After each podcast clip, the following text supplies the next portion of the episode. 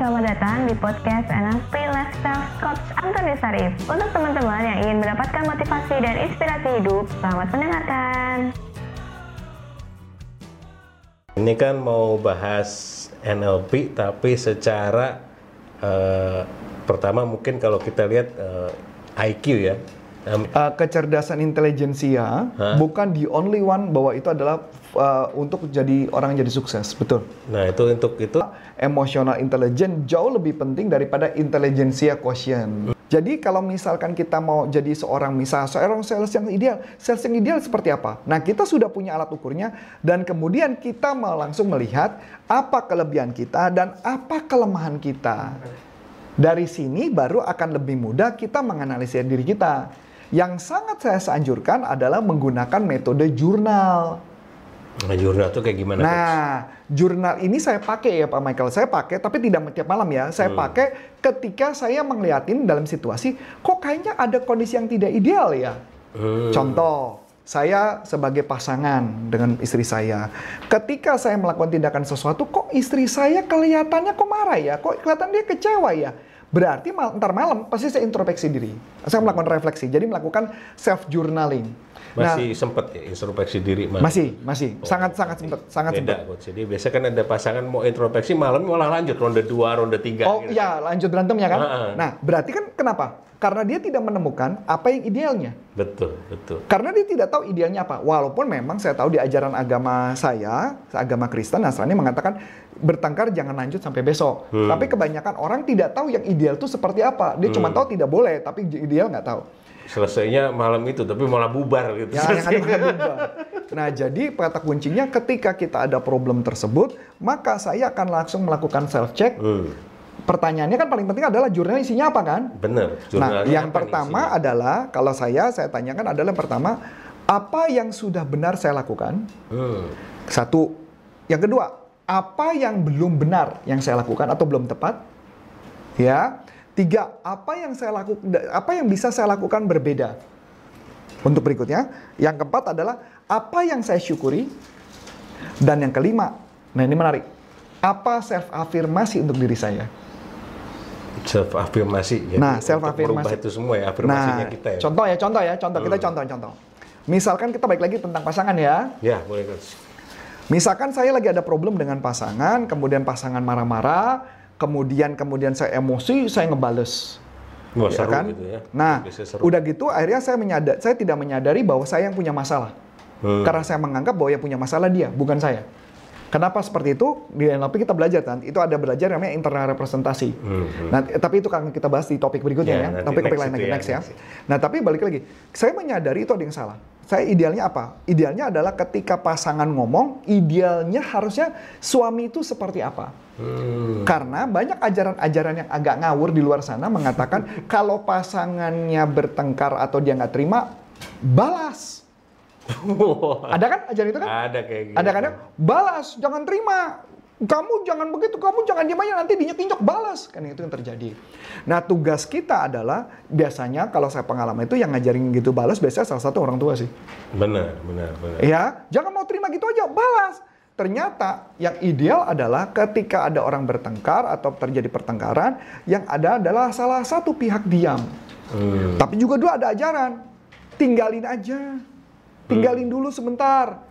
Ya, ternyata kalau kita tinggalin seorang pasangan yang ada tambah marah dia. Betul. Karena dianggap diacukan, karena tidak ada ajaran yang benar. Hmm. Jadi, jadi oleh sebab itu pilih dulu yang benar apa. Nah, jadi kalau buat saya, misalnya contoh tadi ya, marah, oh saya masih bales, maka saya tuliskan dulu apa yang sudah benar saya lakukan. Misalkan saya yang saya benar lakukan adalah eh, saya berusaha untuk dari awal untuk sabar, walaupun akhirnya gagal. Apa yang saya belum tepat, membalas dia. Ya kan? Yang ketiga, apa yang bisa saya syukuri? Saya menyukuri bahwa ternyata saya masih menyadari bahwa saya ada tindakan salah Hmm. ya kan? Yang keempat, berarti apa lagi? Eh, apa?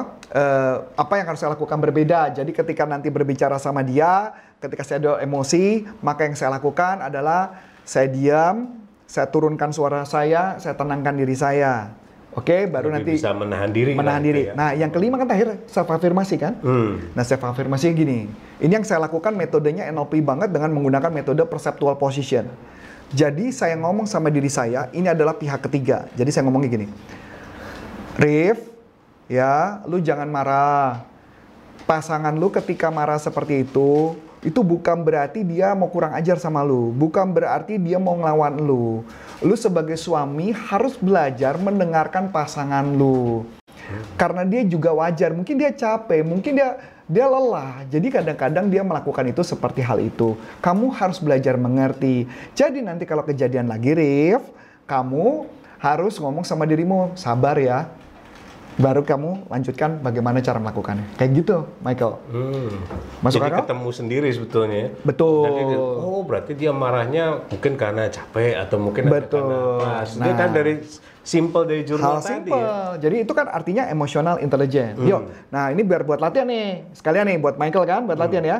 Nah, bagaimana kalau kita pakai kalau self journal, tadi kan 4 ya, 5 ya, self journal. Kalau dipakai buat selling. Pakai buat selling. Selling nih, contoh, jualan kita belum sampai sesuai target. Kira-kira apa yang akan dilakukan? Yang pertama, apa yang sudah benar? Yang sudah benar. eh, Ini contoh ya, teman-teman contoh. Jadi biar mungkin teman-teman tahu. Kalau yang sudah benar awal mungkin customer call kayak gitu. Uh, sudah melakukan sudah melakukan customer call. kegiatan sales normalnya lah. Uh, atau mencari database. Mencari database, cakep. gitu. Nah, yang belum yang belum yang eh, yang apa? Yang perlu dilakukan dengan cara lebih berbeda. Cara berbeda mungkin eh, Eh sorry bukan, yang belum tepat. Yang, Yang benar belum kedua belum tepat. Yang, belum, tepat, apa? Yang belum tepat banyak tuh. Ya eh, satu, jangan banyak-banyak nanti mabok yang di, di sini kan. Satu aja. Jadi biar teman-teman nanti bisnisnya bisa langsung praktek nih.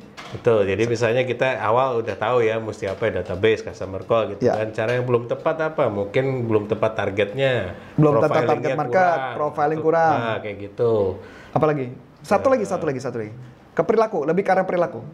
Perilaku mungkin eh, cara menyapa segala macam bisa di situ. Nah, jadi yang masuk. belum tepat adalah cara menyapa. Pertanyaan menarik. Bagaimana Pak Michael bisa tahu bahwa cara menyapanya belum tepat? dari respon biasanya. Mas. Dari respon. Atau Hmm. Pak Michael malah sudah tahu bahwa yang tepat itu seperti apa? Bisa jadi. Nah, itu maksudnya self awareness. Nah, iya betul, betul. Masuk akal ya? Iya, iya, Jadi artinya tentukan dulu yang idealnya. Kalau nggak ada ideal, mah gimana tahu? Betul, betul. Masuk akal ya? Iya, Coach. Masuk akal ya? Jadi teman-teman tempat ya. Jadi tentukan dulu ideal. Makanya tadi saya tanya, kebetulan yang contohnya Pak Michael keren banget. Jadi kalau nggak tahu idealnya, apa yang mau dibuat? Benar, benar, benar. Oke, yang ketiga, bagaimana cara melakukan dengan cara berbeda? Cara berbeda bisa dari jamnya. Jamnya dirubah. Dari eh, apanya ya? Tadi profiling. Profilingnya dirubah gitu kan caranya. bagaimana? Apa yang mau diubah? Eh, profiling mungkin eh, lebih menyesuaikan apa ya? Biasa kan kita jual kan asal tembak gitu ya. Betul. produk gitu ya. Nah, ini mungkin lebih lebih spesifik lagi lah, mungkin menspesifikkan profilingnya Nah, lagi. pertanyaan menarik nih berikutnya Pak Michael. Bagaimana Pak Michael bawa tahu bahwa itu spesifiknya salah? Hmm, Berarti ada yang dia lagi dong. ada yang dia lagi sebetulnya. Nah, berarti benar kan? Hmm. Berarti kesimpulannya adalah self awareness artinya Lebih bisa buat introspeksi juga banyak. berarti Pak Michael sebenarnya udah belajar Hmm. untuk orang yang tahu tentang ideal. Betul. Setuju ya? Betul. Pertanyaan menarik Pak Michael. Kalau kita nggak pernah belajar, mungkin nggak kita bisa tahu kesalahan kita di mana? Nggak mungkin. Nah, berarti makanya kenapa seseorang harus ikut training kan betul ya? Betul. Masuk banget. akal ya? Betul. banget. Masuk akal ya? Hmm. Nah, sekarang lanjut. Berarti kan eh, berarti tiga ya. Terus apa yang bisa disyukuri? Yang bisa disyukuri masih ada closing gitu-gitu, terus masih eh, ada yang respon baik. Hah, gitu cakep. kan. Nah, yang kelima terakhir Hmm. ya, nggak usah banyak-banyak nanti ke bekas ini ya. Self afirmasi. Nah, mulai kalimatnya di Michael. Michael gitu. Kayak mana saya sendiri. Jadi kalau self afirmasi ya guys ya. Eh, Michael, kalau bisa eh, untuk untuk prospek, profiling dan sebagainya lebih ditingkatkan lagi. Kemudian juga untuk rasio teleponnya juga diperbanyak kayak gitu. Oke, lagi ya. Nah, supaya bisa perbanyak apa? Nah, itu kurang tuh kalimatnya tuh. Supaya bisa per- karena beberapa kalimat itu kenapa tidak kita lakukan karena tidak menggugah, tidak menarik gitu. Hmm. Kenapa harus banyak? Biar closingnya banyak. Yang ujungnya? yang ujung. Komisinya gede. Nah, ulang lagi dari kalimat awal. Michael, nah ini ingat ya, dalam satu rangkaian ya teman-teman ya, this is good question, eh, this is good example, karena saya kan pasti nanti juga sana, wah ini kayaknya mereka, Betul, ini betul. harusnya, ini bukan gratis loh ya, Betul, ini mahal loh. ini harusnya mahal ya. Oke, lanjut. Jadi Coba, nanti ada yang naik komisinya jangan lupa bagi ke Ayo, ayo, ya. Nomor rekening, oh salah ya. Oke, silakan Pak Michael. Jadi eh, Michael, kalau mau komisi gede, lu harus tingkatin dong mengenai profiling, prospecting, cara telepon dan sebagainya. Kalian lebih lebih tingkatin lagi semuanya, lebih banyak belajar gitu. Nah, biar biar keren lagi, biar biar mantap ya. Kenapa Michael mampu? Diambil dari pengalaman masa lalu. Ini buat ngilangin mental block. Nah, di bonus. ya silakan. Kenapa Michael mampu ya? Karena dulu pernah closing gede-gede sih. Nah, enggak, kamu ngomongnya bukan sama Michael, Oh, gitu. jangan ngomong sama aku, Chan. ngomongnya sama Michael. Michael masa nggak mau sih dulu pernah closing gede-gede gitu kan puluhan juta masih sekarang nggak bisa. Nah itu. Cakep. Ini contoh yang sangat bagus, thank you banget Michael udah sharing. So teman-teman, dari gambaran ini, ini paling nggak minimal kita sudah bisa melakukan self awareness. Tapi ingat, jadi kalau kita summary berarti yang pertama harus mengetahui yang idealnya dulu apa. Betul. Yang kedua? sosok apa eh, misalnya pekerjaan kita apa pun idealnya seperti apa gitu. Hmm, cuman yang jadi masalah kalau nggak pernah ikut training, nggak pernah baca buku, nggak pernah ikut video kita, boro-boro tahu yang ideal seperti apa. Betul. Kita menganggap diri kita yang paling benar semua hal. Hmm, jadi apalagi orang yang nutup diri coach ya. Cakep. Oh, udah bener, udah buat buat gue udah paling bener ya. Udah itu mah nggak bisa. gitu. Pokoknya, katanya pakai kalimat Nah. pokoknya. Pokoknya harus seperti itu. Waduh, ini mah berat. Oke, mungkin videonya cukup ke sini aja karena pasti panjang banget ini. Masih ada berikutnya. Ah, Coach. masih ada. Nanti di video berikutnya kita akan membahas tentang self regulasi atau self control dan kemudian motivasi dan kemudian empati serta bagaimana melakukan social skill kepada orang lain. Social skill kayaknya perlu Oh, banget. perlu banget ya itu NLP semua. Ini NLP semua nih. NLP semua. Oleh sebab itu teman-teman, semoga video ini berguna ketika tadi saya mengatakan kepada Michael, jika memang Anda mau dapat yang ideal, Anda harus belajar dengan orang yang pas dan tepat. Orang yang pas dan tepat akan menghasilkan hasil yang pas dan tepat. Kita nggak bisa menjadi orang yang paling dianggap the best kalau kita tidak tahu yang idealnya dari mana dengan teknik yang pas dan tepat. Saya Coach Antoni Sarif dan Saya Michael. mengucapkan banyak terima kasih, sukses buat Anda dan sampai jumpa. Nah, untuk teman-teman yang sudah menerangkan, terima kasih ya dan nantikan podcast selanjutnya.